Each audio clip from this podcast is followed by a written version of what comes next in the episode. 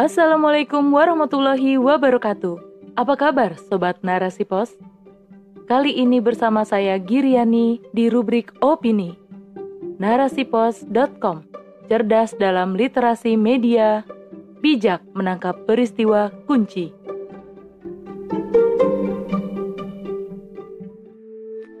Perjuangan kaum feminis, benarkah memuliakan perempuan? Oleh Atifa Dinillah. Menurut artikel di yayasanpulih.org tentang feminis dan perjuangan kesetaraan gender, dinyatakan bahwa feminis bukanlah gerakan perempuan pembenci laki-laki, perempuan melawan suami, ataupun perempuan yang terpengaruh pemikiran barat yang anti pada agama anggapan yang dianggap negatif dan terlalu menghakimi perempuan. Padahal, feminisme adalah gerakan yang dilandasi kesadaran untuk mengubah keadaan perempuan agar tidak lagi mengalami diskriminasi, kekerasan, eksploitasi, dan penindasan. Ketidakadilan terhadap perempuan tetap masih dirasakan hingga saat ini, terutama dalam beberapa hal. 1 stigma negatif pada perempuan. Anggapan bahwa perempuan adalah makhluk yang lemah dan emosional membuat perempuan dianggap tidak layak menduduki posisi strategis di sektor publik, baik dalam struktur pemerintahan ataupun swasta. Di tengah masyarakat, seolah telah tercipta pembagian peran sosial yang tidak adil bagi perempuan. 2. Pendidikan yang terbatasi anggapan di tengah masyarakat bahwa perempuan setelah menikah hanya akan di rumah saja mengurusi anak dan suami, membuat para perempuan kurang termotivasi dalam meraih gelar. Akibatnya, tentu saja perempuan sulit menjadi pendidik di perguruan tinggi. 3. Sulit mandiri dalam kehidupan ekonomi. Peran perempuan setelah menikah yang dibatasi sebagai ibu dan pengatur rumah tangga membuat perempuan menjadi sosok yang tidak berdaya, secara ekonomi tidak mandiri, dan harus bergantung pada laki-laki. Jikapun perempuan bekerja, ketidakadilan tampak dalam sistem pengupahan yang menunjukkan posisi perempuan sebagai warga kelas 2 di tengah masyarakat. Karena dianggap bekerjanya perempuan bukan untuk nafkah, melainkan sekedar membantu keuangan keluarga saja. 4 posisi strategis yang tidak diberikan pada perempuan. Dalam posisi-posisi strategis, baik dalam pemerintahan, badan dunia, maupun sektor swasta, masih didominasi oleh laki-laki, di mana hal tersebut dinilai terjadi akibat masih mengakarnya nilai-nilai sosial yang tidak adil gender bagi perempuan. Berangkat dari pemikiran dan anggapan tentang ketidakadilan gender seperti itulah, maka para pejuang feminis menyuarakan pemikiran-pemikiran yang pada akhirnya menyerang umat Islam dengan konsep-konsep yang dimiliki Islam tentang laki-laki dan perempuan. Feminisme seolah tak pernah lelah menyerang syariat Islam dengan tuduhan membelenggu kebebasan perempuan dan menciptakan berbagai macam penderitaan bagi perempuan. Padahal kenyataan berbicara sebaliknya. Berbagai problem yang menimpa perempuan hari ini sebenarnya terjadi karena perempuan terseret tipu daya feminisme, mulai dari kegagalan dalam berumah tangga, kemiskinan perempuan, kekerasan yang tiada hentinya, dan lain sebagainya. Perjuangan berujung penderitaan. Dalam rangka ingin berusaha menghapus stigma negatif terhadap perempuan yang dituntut mengambil peran sebagai ibu dan pengatur rumah tangga yang mereka anggap sebagai bentuk ketidakberdayaan perempuan dalam menjalani kehidupan karena harus bergantung pada para laki-laki yang menjadi suami mereka. Maka, mereka menyeru untuk diberi kebebasan menjadi perempuan yang berdaya dengan cara menuntut diberi kebebasan untuk bisa bekerja. Tetapi realitanya, menentang fungsi dan peran perempuan yang telah ditetapkan oleh Allah Subhanahu wa taala sebagai pencipta kehidupan, memunculkan banyak persoalan dilematis yang harus mereka hadapi. Perempuan yang pada hakikatnya dalam Islam dimuliakan dengan memberi mereka posisi sebagai ibu dan pengatur rumah tangga. Namun, hal yang sejatinya telah membuat wanita terjaga kehormatan dan kemuliaan mereka di dalam rumah, justru kaum feminis memandang hal itu sebagai konsep atau ajaran yang mengekang kebebasan. Mereka berontak terhadap kekangan tersebut dan menuntut kebebasan yang akhirnya berujung pada penderitaan.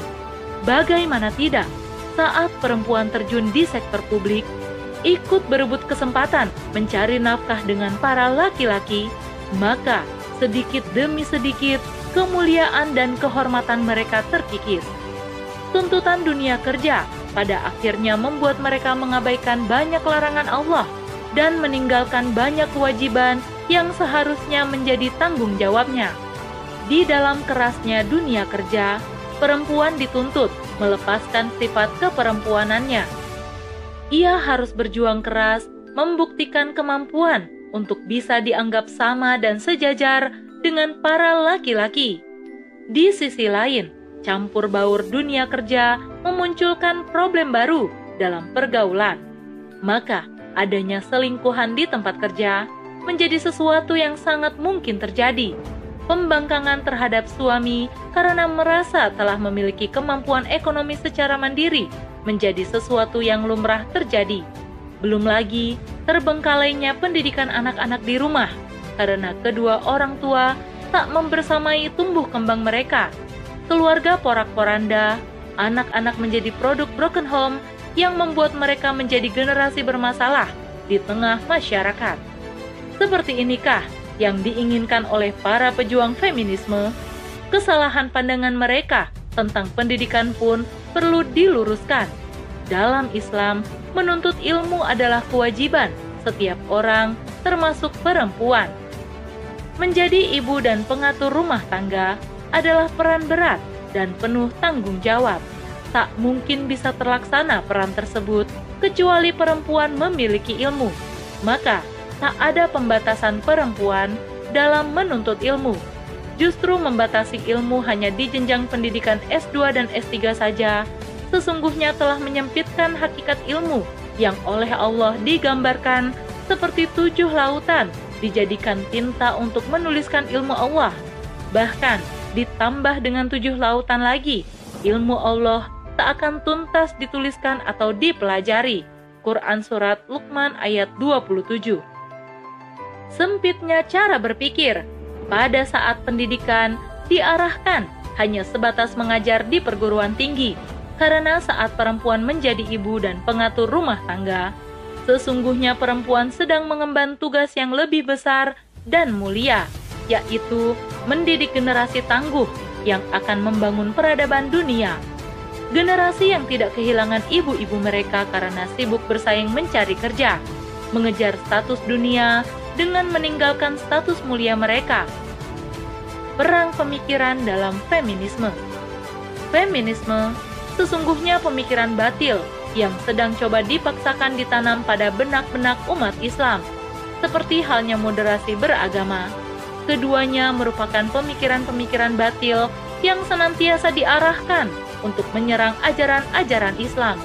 Karenanya, umat membutuhkan pemikiran Islam yang mampu menyadarkan mereka terhadap kesempurnaan Islam.